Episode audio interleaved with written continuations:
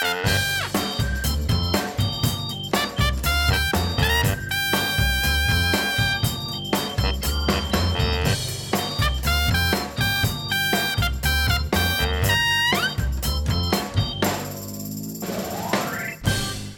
daar zijn we weer, Dick. Goedemorgen allemaal. Goedemorgen. De SIP-podcast is weer in de lucht. Misschien luister je smiddags dan goedemiddag. Misschien luister je s'avonds dan goedenavond. We zijn er weer. Dick, waar gaan we het over hebben deze week? We gaan het over drie mooie onderwerpen hebben. Over Stichting Siris. De stichting die veel in het nieuws is geweest de afgelopen tijd. Zijn ze te veel partijdig? Eh, daar gaan we het dus uitgebreid over hebben. We gaan het hebben over Asia Bibi. Want eh, nou, we hebben een retweet gekregen van Geert Wilders. Die, eh, die heeft zich zelfs gemengd in een artikel wat wij hebben geplaatst. Eh, dus dat is best wel bijzonder. Er is een heel debat over. Plus het laatste onderwerp is natuurlijk Willem Ouweneel. De, Met zijn beruchte column. Nou ja, berucht en beroemd. Nou ja, dat is de column niet. Maar het was wel een opvallende column. En ook heel interessant en veel gelezen. Dus daar gaan we het ook over hebben. Precies. Hoe gaat het trouwens met je Dick? Zit u er lekker in vandaag? Ik zit er goed in. Ja? Ja, Je hebt er weer zin in. ik heb er zeker zin Een in. mooie dag. Hey, maar ehm Siris, daar is natuurlijk al heel veel ophef over. Waar gaat die ophef precies over? Nou, die, die ophef die gaat dus over het feit dat Sirius niet eh, objectief zou zijn. Eh, dat is het hele, het hele punt. Ja, want Siris, leg even uit voor de mensen die het niet kennen. Wat is Siris? Wat doet Ja, dat is een, eh, een, een, eh, een ja, kun je ze pro-life noemen? Niet helemaal misschien, want ze, ze, proberen in ieder geval objectief te zijn. Maar ze komen voort uit de VBOK en de VBOK die was, kwam echt heel duidelijk op voor het ongeboren leven. En Sirius is daar iets neutraler in, zeg maar. Eh, dus als jij eh, een abortus wil plegen en je komt daar, eh, dan zullen ze je misschien, ja, dan gaan ze je helpen. En dan zullen ze misschien wat, eh, wat, wat kanttekeningen erbij plaatsen. En je duidelijk, maar ze zullen je niet gaan zeggen van je mag het absoluut niet doen of zo. Ja, maar waarom is het dan ophef over? Daar Nou. moet even eerlijk over zijn natuurlijk. Ja, omdat Sirius wel, eh, ehm, zeg maar, zich een klein beetje in de kaart heeft laten kijken. Want ze, ze doen natuurlijk wel mee aan de Week van het Leven bijvoorbeeld. Ja.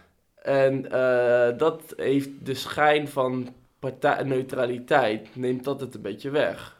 Ja, want het hele ding is, kijk, Ze eh, krijgen subsidie. ja, ze krijgen 1,7 miljoen euro subsidie, onder andere te danken aan iemand als Kees van der Staaij van de SGP, omdat ze dus mensen helpen, vrouwen helpen die ongewenst zwanger zijn en die mensen dus voorlichting geven, een steun, een luisterend oor, etc. Maar die stichting komt voort uit de VBOK, terwijl Siri aanspringt. Ja, lieve Siri, ik ben nu de podcast aan het doen. Van Sirius naar Siri. Ja, dus kijk, dat is het. Dus dan weet je het nu ook gelijk. Als je het over Siri's hebt, kan zomaar je iPhone aanspreken omdat hij denkt dat je Siri zegt. Dat is toch weer een grote ontdekking in het grote journalistieke project van CIP. Ja, In ieder geval, kijk, Ja, Siri's die, zo, dus. die ver- zou dus neutrale hulp verlenen. Alleen het, het echte verhaal is, is dat ze uit de VPOK voort zijn gekomen. En ehm, zodat ze juist subsidie kunnen krijgen. Dus je hebt de VBOK, is zo pro-life als een pro-life organisatie kan zijn. ja. Wordt gesteund door heel veel, onder andere REFO-mensen die dat belangrijk vinden. Ik heb vroeger nog heel veel Wilhelmina pepermuntjes verkocht voor VBOK. Nou, nou, dat is toch Ja. mooi. En toen hebben ze de Sirius opgericht, omdat dat neutraal zou zijn. En dat is ook handig, want dan kun je ook subsidie krijgen. Ja, En ook veel subsidie. 1,7 miljoen euro dat is subsidie. een goede hap. Ja. En die organisatie die ernaast staat, die dus helemaal voortkomt uit dat hele pro-life eh, VBOK-tje, die zou dan heel neutraal zijn. Maar de werkelijkheid is natuurlijk dat dat ook wel een beetje meevalt. En ze zich inderdaad een beetje in de kaart hebben laten kijken. Want ze steunen de Week van het Leven. Dat is zo pro-life als het maar zijn kan. Ze Ja. verwijzen in chatgesprekken ook inderdaad op eh, vooral het christelijke standpunt van abortus, dat het niet goed is. Medewerkers. Ehm, en dan is het natuurlijk logisch dat er ophef ontstaat. Want ja, weet je, dan ga je eigenlijk als overheid dus 1,7 miljoen euro geven aan een organisatie die niet helemaal zo neutraal is als je zou willen als overheid dat een organisatie neutraal is. En dus dreigt vooral D66 met GroenLinks erbij om die subsidie helemaal stop te zetten. Maar Ja. dat was eerst eigenlijk een soort van consensus bereikt, weet je. We gaan echt eh, nogmaals benadrukken, zij, Blokhuis, onze ChristenUnie, staatssecretaris, dat die, eh, we gaan ervoor zorgen dat die zorg neutraal blijft door dat als echt harde eis neer te leggen en we laten dat controleren. Maar ja, leek alles opgelost te zijn totdat de week van het leven dus begon en bleek dat Syrisch daar ook aan meewerkt. En dat is dus zo, zo pro-life als maar zijn kan. Ja. Ja. en dan snap ik wel dat er dus heel veel ophef is en dat mensen in de samenleving zeggen: eh, kut de subsidie. Stop Ja. met subsidie geven. Ja, dat is, in principe is dat goed. Eh, of tenminste is dat logisch, laat ik het zo zeggen. Eh, maar die neutraliteit is natuurlijk ook wel een begrip waar je je vraagtekens lichtelijk bij kan zetten. Eh, want je hebt dus FIOM en CIRIS. Dat zijn allebei twee organisaties die erover gaan. En FIOM die, die, die, die ben- benadrukt iets meer de eh, seculiere kant, zeg maar. Dus die zijn nog... ehm, maar ehm, ik heb het misschien wel eens eerder verteld, maar ehm, ik weet het niet meer of, of dat hier op de podcast is of ergens anders. Maar eh, ik heb bijvoorbeeld op mijn journalistiekopleiding hebben wij een, eh, een onderzoek gedaan hier ook naar. En toen gingen we dus bellen als een revo-meisje naar abortuskliniek en naar FIOM. eh, met, de, met, de, met de vraag van, ja, ik wil, of tenminste, ik ben zwanger, maar mijn ouders staan er niet ach- achter dat ik het weg laat halen en ik zit heel moeilijk. En dat die mensen aan de telefoon zeiden van... Ach ja joh, je moet niet naar je ouders luisteren. Je moet gewoon langskomen. We halen het vruchtzakje weg. En eh, niks aan de hand. Het is helemaal geen, nog geen kind. En weet je, dus er werd heel erg aangedrongen en gepusht bijna van kom langs. Ja, Eh, dus die kant heb je natuurlijk weer bij de abortusklinieken. ja, dus eigenlijk zeg je, weet je, als een organisatie dat zegt, geen enkel probleem. Ze krijgen gewoon subsidie. ja. Omdat ze dat vanuit hun wereldbeeld dus ook jou opleggen. Of tenminste, Ja. je kunt er natuurlijk nooit omheen dat mensen vanuit hun wereldbeeld ja. ook hulpverlening geven. Maar als christenen vanuit hun wereldbeeld hulpverlening geven en er eerst meer de nadruk zouden leggen op hé, hey, eh, doe het nou niet. Denk er toch echt nog een paar keer goed over na voordat je abortus gaat plegen. Er zijn veel mensen die ook daar niet heel gelukkig van worden achteraf. Van zo'n abortus. Dan is opeens eh, is het hek van de dam. Zijn alle poppen aan het dansen. ja. Ehm, en is er eh, grote consternatie in de Tweede Kamer. En dreigt zelfs, als ik het ND moest geloven, dreigt zelfs wellicht het hele kabinet eh, op klappen te staan rondom deze kwestie. Ja, nee, dat is precies waar. En, Maar de de, maar de vraag vraag- is ja. natuurlijk van, is dat neutraal? Want het, het is zo dat de overheid al een vooringenomen standpunt heeft. En als je daar zeg maar niet aan voldoet, dan ben je dus in één keer niet meer neutraal. Nou ja, kijk, het vooringenomen standpunt, dat is natuurlijk het lastige, is wat de wet stelt. En de wet stelt, of je dat nou leuk vindt of niet als christen, dat abortus geen enkel probleem is. Ja, Oké, tot, tot bepaalde eh, aantal weken van een eh, babytje in een buik. Dus ja, als dat de wet is en een subsidie die dient er uiteindelijk toe om de wet te dienen of de samenleving te dienen met daarin de wetten die gelden, ja, dan is het dus niet, kun je er niet anders dan omheen dat het standpunt van de overheid toch is van hé, hey, we willen ehm, abortus toestaan, mensen zo goed mogelijk voorlichten. Maar we gaan natuurlijk niet met geld van de overheid doen alsof abortus een groot moreel kwaad is. ja. Want ja, we hebben dat in de wet gelegaliseerd. Dus Ja. dat kan natuurlijk niet. En dat Ja. is natuurlijk het echte punt. Maar voor mij is het, dat is, als ik even mijn vraag me af, eh, af mag maken. Voor mij is het grotere vraagstuk hier, is moet je als christelijke club een subsidie willen van de overheid? En helemaal moet je als organisatie die zich inzet voor ongewenst zwangere vrouwen, die voortkomt uit een super pro-life organisatie die ook heel veel gefinancierd wordt vanuit die pro-life organisatie, namelijk VBOK, want die stuurt geld naar Syrisch. Moet je het dan willen dat je ook nog een tweede geldstroom hebt van moedertje staat? Want ja, het is natuurlijk lekker geld. Ik bedoel, dat is natuurlijk lekker. 1,7 miljoen euro op je bankrekening. Ik bedoel, daar word je, word je natuurlijk heel blij van. Maar ja, moet je dat willen? ja. En dat, Nou- dat, is, dat zag je ook destijds bij Different, weet je nog? Different, tot Helders Ja. Volks. Die helpen mensen met homoseksuele gevoelens. Ik weet niet hoe dat nu precies zit, eh, hoe ze dat tegenwoordig doen. Mhm. Die kregen ook subsidies van de overheid. Of anders gezegd, die werden geloof ik, ik moet het even goed in mijn geheugen opfrissen. Eh, daar werd ook bepaald geld, geloof ik, vanuit zorgverzekeringen eh, vergoed. Maar ja, het standpunt van de overheid is homoseksualiteit geen enkel probleem. Het standpunt van de overheid, homohuwelijk, is ook prima. Eh, en als je dan met geld van de samenleving homo's toch een beetje gaat vertellen, in lichte of meerdere mate, van hé, hey, eh, het is beter om die gevoelens te onderdrukken, dan is het natuurlijk logisch dat hij wel in de tent komt. En dat was destijds in Amsterdam ook. Dus voor mij is de grote vraag, vooral moet je als christelijke organisatie, waarbij je toch ook graag je christelijke standpunt naar voren wil brengen, want laten we eerlijk wezen, het is gewoon een, eh, redelijk een gekleurde organisatie die vanuit een hele duidelijke, heldere geschiedenis vanuit de VBOK en een heldere identiteit nu opereert. Mhm. Moet je dan dat geld van de overheid wel willen? Wat Ja. denk jij? Nou, kijk, om, om even in te gaan in eerste instantie op wat jij zegt van de staat eh, vindt het geen enkel probleem. Eh, een paar jaar geleden eh, hadden we natuurlijk nog minister Schippers van de VVD. En zij had toen ook uitgesproken van dat zij het aantal abortussen in Nederland te hoog vindt. Dus ze zei van ehm, eh, een, een deel daarvan, ze, ze is heel erg voor abortus, maar een deel daarvan is onnodig, zeg maar. Nou, en ik denk dat de grote eh, vraag voor Sirius hierin is: van wat kunnen zij eraan betekenen? Want kennelijk is het niet zo dat, dat elke overheid, of iedereen van de overheid vindt dat het allemaal maar normaal is dat we de 33.000 hebben en dat het er best iets minder mogen zijn. Ja, En is het zo dat de visie van Sieren is om subsidie te krijgen? Misschien, doordat ze dit nu doen, bereiken ze wel een bredere groep, meer mensen. Hebben ze meer invloed. krijgen, Ja. ja.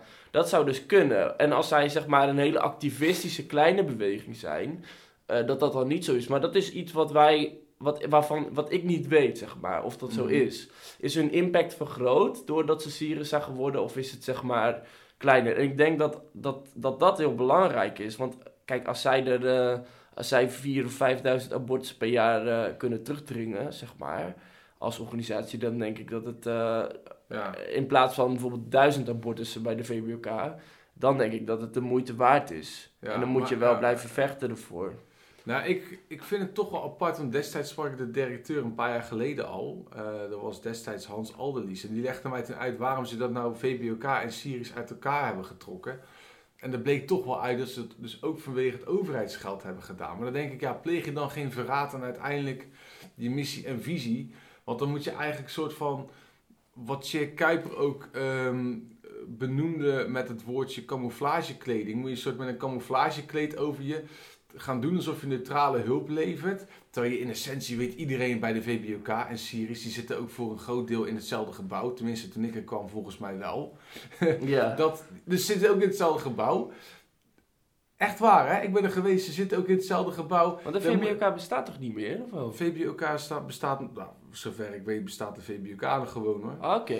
De directeur zijn nu wel weg, maar Oh, ja. dat is toch, dan denk ik, ja, dat is toch wel. Heeft Seer Kuiper, die heeft wel een, een punt gemaakt in het ND, de hoofdredacteur daar. Mhm. Dat hij toch zei van ja, weet je, het moet wel neutraal zijn, de eh, hulp die je biedt, maar het moet niet onder een soort van camouflagekleed gebeuren. Nee.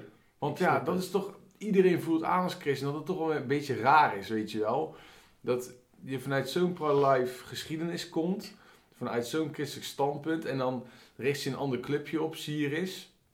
En dat dan moet dan zo neutraal zijn als Zwitserland, weet Ja. je wel. En dan denk ik, ja, dat kan toch niet? En moet je het dan ook wel willen? En moet je dan ook dat geld wel willen hebben? En nou, dan zeg jij ja, want dat geld kun je gebruiken voor het, eh, het goede doel. Dus dan heiligt het middel en ook de manier waarop je het dan politiek inkleurt, hoe je je uit als organisatie, dat heiligt ook wel, eh, de middelen heiligt het doel, of andersom. Ehm, dus dat is een goed standpunt, maar ja, toch denk ik dan, ja, mogen we niet gewoon heel eerlijk zijn? Mhm. Ja, Oh, sorry, ik dacht dat er wat achteraan kwam. Eh, dat, dat snap ik wel. Ehm, kijk, wat ik wel echt belangrijk vind is van... ehm, kijk, dat we zeg maar zo ver zijn dat we zeggen van... eh, de overheid is voor abortus en je hebt een paar gekke, gekke kleine splintergroeperingen die zijn er tegen... Eh, dat, dat, dat, dat veldverhouding vind ik persoonlijk vind ik dat best wel discutabel. Omdat je dan als land, eh, ja, als dat je moraal is, zeg maar, dat vind ik best bizar, weet je. Want je, je weet dat de gevolgen voor die vrouwen psychisch heel zwaar zijn.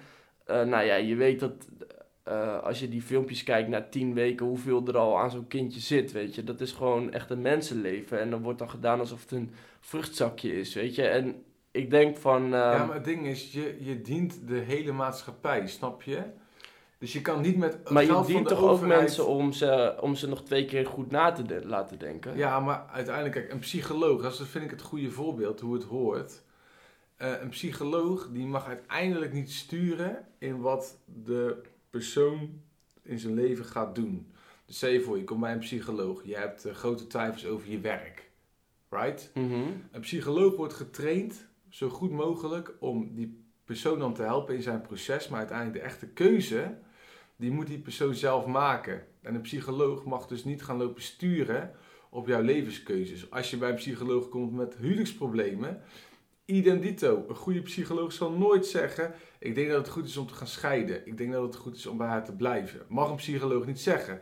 Derde voorbeeld, als je er bij een psycholoog komt vanwege, weet ik veel, moet ik nou wel of niet de banden met mijn familie doorsnijden gezien de geschiedenis, mag die psycholoog ook niet. Dat wordt gewoon zo getraind Ja. en gedrild en erin gestampt. Die mag niet gaan sturen.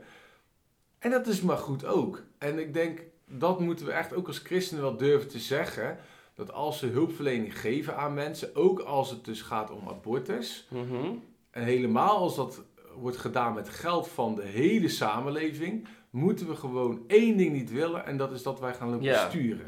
Nou, en als je dat wel wil, dan moet je dat geld van de overheid niet aannemen. Zoals Scheom Leven. Mhm. En dan moet je het vanuit jouw identiteit moet jij die hulp gaan geven. Maar dan is het ook volstrekt duidelijk voor degene die opbelt waar jij staat, weet je wel. Want dat, die mensen hebben ook het recht om te weten als ze jou opbellen vanuit wat voor wereldbeeld jij die hulp aanlevert. Ja. En dan is het fijn om bij, bij Schreeuw Leven op zijn minst te weten dat als je op een website kijkt dat hun daar tegen zijn, weet je wel. Mhm. Want het is ook vervelend voor mensen als ze worden geholpen en ze komen er achteraf achter dat er een enorme verborgen christelijke agenda achter zit. Ik bedoel, dat is toch ook niet handig? Nee. En dan komen we bij het laatste punt, want daar nee, leg jij de nadruk op. En daar ben ik het helemaal mee eens. Uiteindelijk moet je altijd ook ervan bewust zijn dat iedereen zijn werk doet vanuit een bepaald wereldbeeld. Dus uiteindelijk die neutraliteit, die moet je helemaal najagen, 100%. Maar aan de andere kant moet je 100% erkennen dat iedereen, weet je wel, of het nou een rechter is die D66 stemt, vanuit zijn, of die het nou leuk vindt of niet, ook vanuit zijn politieke wereldbeeld bepaalde rechtspraak uitspreekt. En dat iedere, eh, ik noem maar wat, hulpverlener dat ook doet vanuit zijn wereldbeeld. En er zitten ook in zijn hersenen zit alle informatie opgeslagen die hij heeft geconsumeerd over zijn onderwerp. Dus ja, vrijheid van meningsuiting moet er ook natuurlijk zijn. Ja, precies. En dat is wel belangrijk. En ik denk van, als, je, als we dan neutraliteit eh, najagen, dan ook voor de film en de abortusklinieken. Ja. En, eh, want dus ook zij sturen ook extreem, zeg maar. Dat, eh, misschien niet in elk geval, maar er zijn heel veel gevallen bekend dat dat wel het geval is. Ja, nou dan zijn we toch uit. Ja, Dus uiteindelijk samenvattend eh, zeggen als, we... we, als Sirius geen subsidie krijgt, dan moeten we ook de abortusklinieken goed tegen het licht houden. En misschien is dat wel een goede christelijke onderzoeksjournalistiek programma, dat iemand dat even oppakt. Om gewoon even undercover wat van die eh, abortusklinieken te bellen en dan dat opnemen. Ja, En ik denk dat je heel wat eh, ook spraakmakende dingen, net als de Groene Amsterdammer heeft gedaan, kunnen we het ook de andere kant doen. ja, dus onze samenvatting is, als we moeilijk doen over de subsidie van Sirius, moet je dat ook doen bij andere clubs, die dus dezelfde hulp geven, maar vanuit de andere eh, en daar ook in sturen. Ja. Ik zeg, tweede punt, wees nou helder over waar je hulp vandaan komt. En durf ook als christen in ieder geval te zeggen, we moeten zo neutraal mogelijk eh die hulpverlening geven, ook al vinden wij zelf er iets van. Dat is onze heilige plicht. En drie, zeg ik ook, als je dan dat wel helemaal vanuit je eigen wereldbeeld wil doen, neem dan gewoon het geld van de overheid niet aan, want dan kun je ook je gang gaan. ja, dat is een goede. een goede samenvatting? Perfect. En je uiteindelijk de vrijheid van meningsuiting moet ook hoog in het vaandel blijven staan. Dan gaan we nu door met het volgende onderwerp. En dat is Dick. Dat is eh, de Pakistaanse Asia Bibi. Ja, want wat is nou weer aan de hand? Geert Wilders heeft zich kwaad gemaakt. We Ja, zagen dit weekend een tweet van Geert Wilders erbij komen die een SIP.nl artikel deelde. ja, Die vond het een beetje belachelijk, zo lazen we, dat zoveel landen Asia Bibi niet willen opnemen en dat we dus soort zwichten eh, voor de druk van de islam. Ja. Leg het even uit. Asia Ja. Bibi, voor de mensen die het verhaal niet kennen, Nou, een ehm, Pakistaans meisje is door het Hoge Rechtshof vrijgesproken van godslastering, zou moeten worden opgehangen en is nu vrij. Right? Maar ze is nu nog niet in Europa of op een veilige plek. Nee. Dus dat hadden we ook, eh, en eh, eh, daar hadden we ook een bericht van gemaakt. Het was afkomstig van het ND. En ehm, nou, daarin waar, had- hebben zij ook Jozef Nadim aan het woord gelaten. En dat is dus een soort van contactpersoon die de katholieke familie eh, onder, de, onder zijn hoede neemt, zeg maar. Mhm. En hij had best wel heftige quotes in dat artikel gezet. Want hij zei: geen enkel Europees land wil haar. Ze zijn allemaal bang voor opstanden vanuit islamitische hoek op hun eigen grondgebied. Bovendien heeft ze het in het buitenland net zo goed bewaking nodig. Geen overheid wil die verantwoordelijkheid nemen. Nou, en dat is natuurlijk, dat zijn nogal eh, eh, uitspraken. Mhm. Als dat zo is, is het best schokkend, zeg maar. Want ehm, eh, dat betekent dus dat wij een soort van als Europeanen, eh, als Europees land, te laf zijn om dat risico te nemen. Dus we willen haar er niet in laten op ons grondgebied, want dan zijn we bang dat we zelf allemaal problemen krijgen. En dus laten we die familie daar lijden, in hun nood, zeg maar. En dat is eigenlijk de boodschap van Jozef Nadim. En die hadden we dus eh, overgenomen. En ehm, nou ja, dat stond dus op de site. En uiteindelijk heeft zelfs Geert Wilders zich erin gemengd. Hij heeft onze Facebook of onze eh, Twitterbericht heeft hij ook gedeeld. En hij heeft gezegd dat het echt een schande is. En dat we echt als een gek... Hij is normaal niet zo van de immigratie, maar haar wilde die graag eh, binnenhalen, zeg maar. Ja. Dat als Nederland eh, ons, haar op ons, onder onze hoede moeten nemen. Nou, en Jozef Nadim, die is veel in de nieuws, want hij zei ook tegen Kerk in Nood, zei die, ehm, dat, eh, dat zelfs ook hun eh, huizen beschoten worden, zeg maar, weet je. En eh, Mhm. de, dat, dat, dat die, de kinderen van Asia Bibi nog steeds de ouders niet hebben gezien. En dat ze van huis naar plek, naar plek, naar plek moeten gaan. En eh, dat ze helemaal opgejaagd worden. En dat, nou ja. En de bottom line is dus van wa- waar, wat doen wij als Europeanen eraan? Ja, en Geert Wilders heeft ook eh, Mark Rutte persoonlijk om eh, helderheid gevraagd. Luister even. Ja. Asia Bibi in Pakistan. Ja, eh, net, eh, kort geleden. Ik had inderdaad gevraagd om haar in Nederland eh, asiel te geven. We, geven. we laten hier in Nederland honderdduizenden mensen toe die er eigenlijk niet horen te zijn. Gelukzoekers of mensen die uit een veilig land komen. Belachelijk. En dan is er een keer een dame, christelijke dame, die eh, van blasfemie wordt beticht. Het beledigen van de zogenaamde profeet. En dan met ophanging eh, wordt eh, bedreigd. En daar zou nog geen plaats voor zijn. Dus ik heb dat gevraagd aan de minister-president. En hij heeft mij vanmorgen laten weten per antwoord schriftelijk op Kamervragen. eh, dat het allemaal eh, eh, in de diplomatie gevoelig ligt, gelet op haar situatie. En dat ze er eigenlijk, in mijn eigen woorden, geen, eh, in het openbaar nu geen uitspraken over doen. Dus ik weet eigenlijk nog steeds niet. Het antwoord was in ieder geval geen ja. Maar ik heb ook niet echt een nee gelezen. Behalve dan dat ze er nu geen uitspraak over willen doen. Eh, ze zou naar Canada kunnen. Andere landen in Europa hebben bijvoorbeeld gezegd, eh, bij ons kan het niet, want eh, ja, het is niet veilig vanwege de samenstelling van de bevolking. Nou ja, weet je, dat is dus het capituleren al. Hè. We laten hier honderdduizenden mensen toe. Alleen het kabinet Rutte, Rutte, premier Rutte heeft de afgelopen jaren 400.000 niet-westerse allochtonen ons land binnengelaten. Waaronder heel veel moslims. En dat kan wel. Vaak mensen die geen enkel recht hadden om hier te mogen zijn. Die vaak de illegaliteit in zijn gegaan. Salafisten zitten eronder. Ook terroristen hebben eronder gezeten, weten we inmiddels. En dat kan allemaal wel. En een meisje wat door die eh, gekke, extreme moslims wordt bedreigd met de dood om opgehangen te worden. Omdat ze ervan uitkomt dat ze christen is. Eh, dat kan dan niet, omdat we allemaal die moslims die we niet binnen hadden moeten laten, omdat ze vaak ook geen enkel recht hadden om hier te zijn, dan in één keer zouden beledigen. Dus de wereld op zijn kop, het toont totale gebrek aan ruggengraat en capituleren eh, voor de verkeerde groep mensen. En ik hoop dus dat een kabinet, waar dan ook in het Westen, eh, eh, daar zich niks van aantrekt en toch zegt, voor een echte vluchteling is hier plaats en de rest eh, moet dan maar eh, gaan. Volgens mij heeft hij wel een punt, toch, Geert Wilders? Dat eh, klinkt wel heel logisch inderdaad. Ja, want het is toch wel, ik vind het ook wel een beetje raar inderdaad dat, eh, inderdaad, we laten, hoeveel migranten hebben we er minder gelaten? Hij zegt 300.000, laat het er nou 200.000 zijn, de afgelopen tijden. 200.000 migranten, geen enkel probleem, konden zo binnenkomen, konden zich zo melden bij het AZC.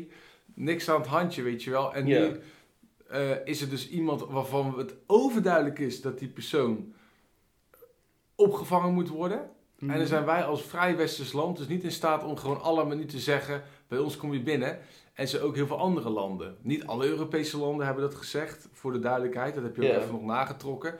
Maar het feit dat er zoveel westerse landen zijn, die dus kennelijk niet zo'n vrouw het land binnen durven te laten, dat vind ik wel raar. Natuurlijk snap ik dat je dan zegt, oké, dat, dat willen we heel voorzichtig bekijken. Want er zijn er eenmaal heel veel moslims.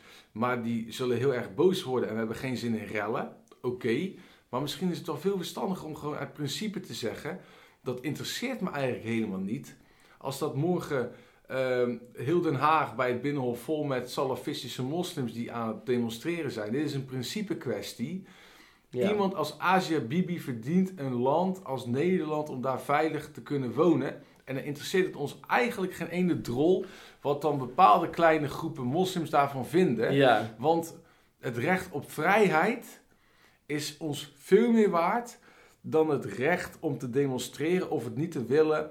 Eh, omdat die persoon ehm, jouw eh, godsdienst een beetje belachelijk maakt. Ik Ja. bedoel, wat weegt nou zwaarder? dat is een goed punt. Iemand redden, iemands leven redden en iemand zijn veilige plek geven omdat hij onschuldig is?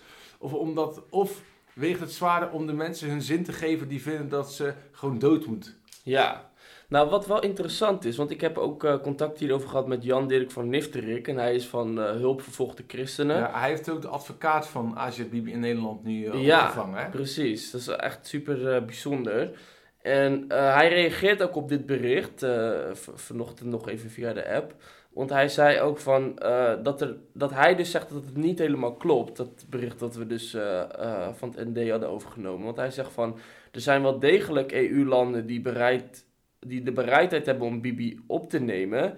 De kern van het probleem ligt dat Bibi Pakistan niet uit mag, zeg maar. Dus hij, ze mag Pakistan niet verlaten. Ja. Dus zij, hij zegt dat het, eh, eh, dat, dat is wat die Jozef Nadim zegt, die bron, eh, dat, dat, niet, dat dat volgens zijn gegevens niet klopt. En hij zegt dat, je die, dat de bron Jozef Nadim is volgens hem niet 100% te vertrouwen, omdat hij er ook belang bij heeft om het land te verlaten. En eh, dat veel berichten van hem eigenlijk niet echt bevestigd zijn, zeg maar. ja. Eh, Maar dan blijft toch wel het punt staan dat ook Rutte niet zegt van Asia Bibi is gewoon hier wel, welkom. Want Wilders die stuurt een brief, ja, die wil antwoord. Meneer Rutte stuurt namens het kabinet, waaronder nota bene de ChristenUnie, hè? die zit daar Ja. ook bij. Die stuurt dan een brief terug. Ja, weet je, ja, het is wel een beetje lastig met diplomatie en dat soort dingen. Ehm, ik kan geen ja zeggen en geen nee zeggen. Dan, dat feit blijft staan. Het Ja. feit blijft staan dat kennelijk een land als Nederland niet zegt... Asia Bibi, we regelen nu voor jou een mooie opvangplek. Je bent hier van harte welkom. De stroopwafels staan al klaar. We willen, willen je gelijk de molens laten zien. Ehm, van der Valk wil graag eh, een weekendje sponsoren dat je lekker in een suite kan relaxen. Want wat heb jij toch veel door, doorgemaakt? Je was jarenlang in de gevangenis, onschuldig. Ze hadden je bijna willen ophangen. Je bent, er zijn mensen, duizenden mensen voor jou de straat op gegaan. Aan de ene kant om je dood te wensen, aan de andere kant om voor jouw leven te vechten. En nu ben je eindelijk vrij. Wees, wees alsjeblieft bij ons welkom. ja. Waarom, waarom moet dat zo moeilijk zijn? Nee, ik snap best de, de wetten van de diplomatie. Ik snap best dat je daar een beetje over moet nadenken. Maar is het niet veel beter om gewoon het standpunt te hebben als land? Wij zijn gewoon een vrij land. Wij laten dit soort mensen gewoon binnen. Ook als het dus moslims zijn. Hè? Ja. Want je hebt ook natuurlijk moslims die in zo'n pakket zitten. Die bijvoorbeeld te liberaal zijn voor hun land. Of Ja. atheïsten die in een land eh, ook zo vervolgd worden zoals Asia Bibi. Voor al die mensen moet je volgens mij, als ik de minister-president zou zijn, gewoon zeggen... Al die mensen, zeker in dit soort schrijnende gevallen... Wij staan met onze armen wijd open op jullie te wachten. Dit zijn nou de mensen die we graag ons land binnen willen hebben. Dit zijn de Hmm. mensen om wie wij heel veel geven. En die we meer dan welkom heten. Ja, ik ben het helemaal met je eens. Ja, Ja, het heftige is wel wat Jozef Nadim zegt. En of dat nou te betrouwbaar is of niet, maar het lijkt me best waarschijnlijk. Dat als zij eenmaal in Nederland is, dat ze hier dan ook nog eh, eh, bijna, eh, dat ze anoniem moet gaan wonen. En, en dat ze hier ook nog niet vrij over de straat kan, zeg maar. Want ze wordt natuurlijk aardig op de hielen gezeten. Ja, maar dan vind ik dat als land moet je dan zeggen, nou dat maakt, dat maakt voor ons niet uit, niet dat we het niet erg vinden, Ja, maar dan gaan we voor jou Eh, of misschien kan het vanuit de maatschappij gefinancierd worden. Gewoon alle beveiliging regelen. En we gaan voor jou het, het zo, zo mooi en goed mogelijk maken als we kunnen. Ja, ik ben Ik bedoel, mee eens. uiteindelijk, ik vind dat echt, ja, vrijheid is zo'n groot goed. Zeker jongens, we hebben de Tweede Wereldoorlog gehad. We hebben de killing fields van Cambodja achter de rug. We hebben de aanslagen van 11 september achter de rug. Al dit soort verschrikkelijke dingen. Dan is het, moet het toch voor ons allemaal duidelijk zijn dat vrijheid zo'n groot goed is. Dat we daar eigenlijk geen seconde over moeten twijfelen. Als we iemands vrijheid kunnen faciliteren door die persoon in ons land te laten. Ja, nee, ik ben het helemaal met je eens. Dat is eh, bizar. Dan gaan we tot slot naar Willem Ja. Want je zou natuurlijk nu denken, ja, iedereen die gaat natuurlijk, heeft nu weer een mooi excuus om die eh, islamieten aan te vallen. De afstammelingen van Ismaël. Ja, maar Ouwendeel heeft een column geschreven daarover. En die heeft eigenlijk een heel mooi punt gemaakt. En dat punt gaat als volgt. Hij heeft een artikel geschreven met de titel... Wat hebben Ismaël en de islam met elkaar te maken? Nou zegt hij, wat wij christenen goed moeten... Ik parafraseer even. Dus meneer Ouwendeel, als ik het niet goed uitleg... ga dan niet gelijk met boos opbellen. hij is altijd punctueel, hè. Lieve man. Hij is toch een geweldige kerel. Maar in ieder geval, als, als er in de Bijbel eh, staat dat Abraham twee zoons kreeg... namelijk Isaac en Ismaël... dan geloven christenen al eeuwenlang... dat de christenen, of eigenlijk de joden... de joden zijn voortgekomen uit Isaac... en de moslims, dat volk... dat is voortgekomen uit Ismaël... Ja, En daar is gelijk het eerste punt al. Wij zijn vaak heel erg anti-islam. Tenminste, ik en niet, maar heel veel van onze lezers. We hebben vorige week nog even wat anti-islamitische eh quotejes voor, voortgelezen. Nou, daar lusten de honden echt geen brood van. En ik denk veel imams lusten daar ook geen brood van. In ieder geval, die zijn zo anti-islam dat ze soms vergeten, dat leer ik van de column van Ouweneel, dat zowel de joden als de moslims als we de Bijbel moeten geloven, uit hetzelfde geslacht. geslacht komen, uit dezelfde familie, namelijk van Abraham. Wat vind je ervan? Ja, dat is wel een, eh, een, een bijzonder verhaal. Ja, want heel vaak is de houding toch van, ja, eh, jullie moslims, dat is niet onze familie, hè? Ook niet onze geloofsfamilie, dat zijn niet onze verwanten, dat zijn hè, de mensen aan de overkant van de straat, weet je wel, met wie wij niks willen hebben en niks Ja. moeten willen hebben en met wie we eigenlijk ook geen vrienden willen zijn. Terwijl het echt de Bijbelse verhaal is, hey, en terwijl ze, die mensen zijn er wel vaak heel enthousiast over Joden, hè? Ik bedoel, dat eh, Ja. maak ik ook vaak mee, dat als christenen merken dat iemand een Jood is, nou, dan gaan ze helemaal, helemaal van vreugde, vreugdedansjes doen. Oh, dat is een Jood, wij zijn eigenlijk familie in, de, in het geloof. En We zijn geënt op, op jullie olijfboom. Dan zijn ze helemaal blij, weet je wel. Ik bedoel, het valt me ook altijd op dat mensen als ze horen dat je bevriend bent met eh, een Joodse rabbijn bijvoorbeeld, of maakt niet uit, dan vinden ze dat helemaal geweldig, weet je wel. Och, er is eigenlijk niks mooier dan dat je vrienden bent met iemand die Joods is. Ja, je bent ook iets geestelijker, toch? Als Ja, je en ook geestelijk, want dan nee, nee, nee, nee, dan heb je het nog beter begrepen. Maar dat hebben ze dus niet bij Ahmed en bij Mohammed en bij Fatima. Terwijl, dat is dus wat Ouweneel schrijft. Ja, jongens, bedenk nou eens dat we uit dezelfde familie komen. Die hele Joodse mensen komen uit van Abraham af en de islamitische mensen komen van Abraham af. Dus ja, misschien is dat wel gelijk een goede reden om misschien ook net zo enthousiast te zijn over moslims, over Ahmed, Fatima en Mohammed, als over Isaac, weet je wel, je Joodse vriend van om de hoek. Ja, ik weet niet of je hier heel veel punten mee gaat scoren. Hoezo niet? Uit de achterban. Nou, en dan komt een tweede punt. Misschien zijn, dat dacht ik in het begin ook toen ik Nee, want als ik daar nog Ja. in op mag haken, heel kort. Want ehm, het wordt inderdaad vaak neergezet als van de moslims zijn het verstoten volk. Zeg maar, weet je, want omdat Ismaël een soort van verstoten was. Ja, zouden ze ook verstoten zijn door God bijvoorbeeld? Is ja, het en dat, dat, dat daar een soort van vloek ontstaan is. En, eh, en die, die dragen ze op hun dag, tot de dag van vandaag met zich mee. Ja, Maar jij komt op basis van deze column erachter dat dat natuurlijk niet zo is. of, of, of, of op zijn minst dat het dus, dat als je het helemaal hè, eh, reverse engineering teruggaat naar hoe het allemaal begonnen is met het Joodse volk en de islam, eh, de Mohammedanen, dat als je het echt... ik- Kijk, uiteindelijk kan Oude natuurlijk helemaal fout hebben, maar dit wordt ondersteund door heel veel theologen door de jaren heen. Want dit hoor je natuurlijk al jarenlang, eh, deze uitleg. Dat uiteindelijk zowel het Joodse volk als de islamieten uit, allemaal uit Abraham voort zijn gekomen. En dus zou je ze ook als zodanig moeten behandelen. En dat de een dan ruzie heeft gehad vroeger met de andere. Hè? Dat Ismaël en Isaac niet bepaald vrienden waren. Allah. Mhm. Allah. Ja. En, maar dan komt het tweede punt, is dat Ouwenel zegt, ja maar luister eens, kijk eens nou naar de Jesaja 60. Daar staan, eh, staan de kleinzonen van Ismaël genoemd. En die gaan dan, juist vanuit de Arabische wereld, langs karavanen naar het herstelde Israël toe komen.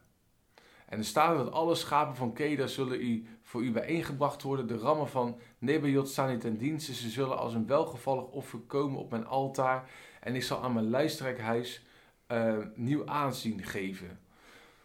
Dus wat gebeurt er in de Bijbel, volgens de profetieën ook, volgens meneer Ouweneel, en dat is iemand die toch volgens mij wel redelijk in de boeken heeft gekeken om tot zo'n conclusie te komen. Uiteindelijk gaan ook wel zowel die Joden als die Palestijnen, om het zo maar even te noemen, gaan terug naar Israël en zullen verzoend worden met elkaar.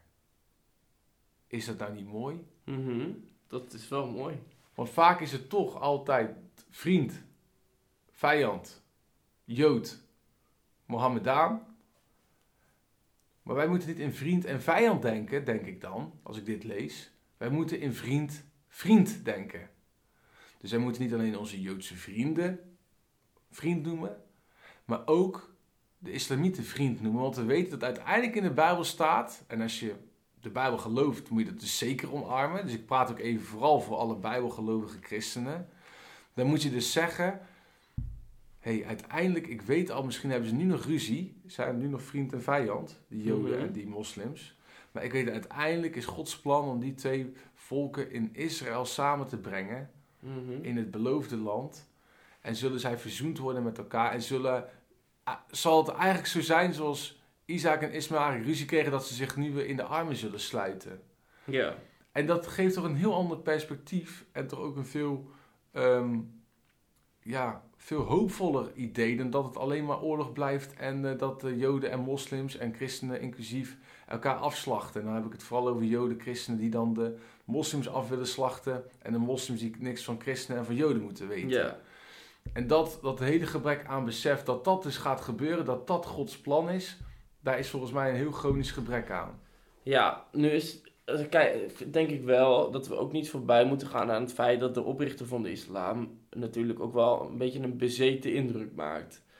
Dat in de is zin, niet, eh, in ja, de zin van... eh, moeders mooiste of moeders liefste bedoel je? Nee, het is een behoorlijk andere persoon dan Jezus. En ik denk wel dat als je die profetie dan van, of die, die, dat van Jezaja in vervulling wil gaan, dat het wel belangrijk is dat mensen zich een beetje losmaken van die persoon. Ja, oké, maar het is toch ook zo, soms heb je hele irritante mensen. Hè?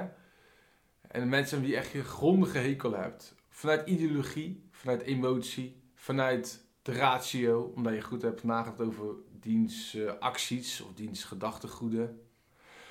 Maar toch moet je dan naar iemand kunnen kijken, al is het je grootste vijand, en kunnen zeggen: Oh, maar hij is ook een geliefd kind van God. Hij is ook gemaakt door God. Hij is in Gods ogen, ook al is het mijn vijand, net zo waardevol Ja. als ik ben. Nee, dat is zeker belangrijk. Je moet ook mensen eer geven, toch? Ja, en dat gebeurt bij moslims vaak niet. Christenen Nee. die kijken toch vaak een beetje denigrerend naar moslims. Als je dan- zo kijkt, hoe kan je ze dan ook bereiken, zeg maar. Ja, en dan is het tweede punt, als je dus weet dat uiteindelijk Gods plan is en God daar ook mee bezig is kennelijk, in het Bijbelse verhaal althans, om verzoening te brengen tussen die vriend en vijand, tussen Isaac en Ismaël, tussen Jood en moslim, dan geef je dat ook een andere houding als je dan nog even te dealen hebt met die moslim als vijand. Want dan heb je gewoon een heel ander perspectief. En dan gaat het dus ook in dit verhaal, is het grotere verhaal, hoe kijk je, met wat voor ogen kijk je naar moslims? Kijk je dus naar hun vanuit het vriend-vijand denken of meer vanuit het vriend-vriend denken? Mhm. En ik denk dat dat Ouweneel ehm is gelukt om dat te Maar laten denk zien. je dat op basis van deze column Oude dan zegt dat we als moslims, eh, joden, christenen met z'n allen zeg maar één vriendenclub gaan worden? Dat dat zijn punt is? Nee, hij wijst er dus meer op dat perspectief. ehm, dat eh Ismaël uiteindelijk toch een veel belangrijke figuur is dan veel Joden en christenen eh, denken. Ja. Mede uit verzet tegen de islam. Dus hij zegt eigenlijk nou, let nou even op Ismaël. eh, dat is een belangrijkere figuur. En dus is het volk de islamieten ook een belangrijker volk dan veel christenen denken. En ik denk dat dat wel heel handig is, zeker in een tijd waar ook heel veel christenen zo anti-islam zijn, dat daar, wat ik al zei, de honden daar echt geen brood van lusten vaak. Hm. Dus is dat denk ik op zijn minst een uitdaging voor ons allemaal om, als je ook met moslims te maken hebt, eh, hebt die Asia Bibi het liefst willen ophangen, dat je dan beseft, of in ieder geval probeert te kijken naar ook het alternatief. Hè? Ik kan wel alleen naar hun als vijand kijken, maar ik kan dus ook naar hun kijken als een volk dat op een dag in verzoening met de Joodse samenleving in Israël. En die als het ware de rijke flats van Dubai zal verlaten om op te trekken naar de mooie, prachtige olijfberg in Jeruzalem. Ik, eh, dat klinkt in ieder geval wel mooi. Is dat lekker? Jongens, waar Dubai niet populair is, dan zal toch echt zal Dubai het moeten afleggen, denk ik, voor Jeruzalem. Ik denk op een dag, als Ouweneel zijn uh, verhaal volgens mij klopt en als de Bijbel echt zou kloppen, zoals het zo kan worden gelezen, dan zullen moslims, al is het misschien over een paar eeuw pas, maar dan zullen moslims liever in Jeruzalem zijn dan in Dubai op een dag. Nou, dat is toch een mooi vooruitzicht. Hoe heerlijk zal dat zijn, Dick van den Bos. Ik, uh, ik vind je wel een. Uh, een uh, ik, ik, ik word wel blij van je vooruitzicht. Of het een beetje utopisch is, weet ik niet. Maar het klinkt wel mooi in ieder geval. Laat het positivo in je los, Dick. Dat zou ik toch echt willen zeggen. Oké. Okay. Hey, maar het was wel weer gezellig, toch? Ja, 20 zeker. minuten oude hoed over christelijke zaken. Die christenen toch echt zouden moeten weten. We Ja, hebben weer onze eigen bescheiden mening geprojecteerd op de massa. Zo is het dat. volk. En als jij zo iemand bent geweest die heeft geluisterd, hopen dat je ervan hebt genoten. en, eh, en eh, ja, bijna heel christelijk Nederland is al CIP Plus lid. Ja, Nog nou, een paar te gaan. Ja, nog een paar te gaan. Hoor jij nog bij die, die, dat, dat, Die kleine rest, scharen. dat restdeel dat nog niet als een schaap over de dam is gegaan? Word dan nu C lid. Het zal je leven veranderen. Het zal je leven verbeteren. En je zult gelukkiger zijn dan ooit met een abonnement op C Plus van 5 euro per maand. Ja. 1 euro voor het goede doel, nogmaals, per Ook, maand. ook nog. En ben je niet tevreden, je kunt met één klik afmelden. Je krijgt dan wel mij boos aan de telefoon natuurlijk. Waarom heb je je afgemeld voor C Plus? Ja. nee joh, doe lekker wat je, wat je wil. Het zijn Nee, ook dure nee, maanden. helemaal niet wat je wil. Je moet gewoon lid worden. Ja, maar het zijn ook dure maanden joh. Die mensen hebben natuurlijk Sinterklaas net achter de rug. Kerst komt er weer aan. Dan moet Ja. het ook weer... Hè, maar, maar- dan moet je ook wat bezinning hebben, hè? En diepgang vooral. En diepgang. En als je die, die bezinning en diepgang wil vinden in je leven, ga dan naar cipplus.nl.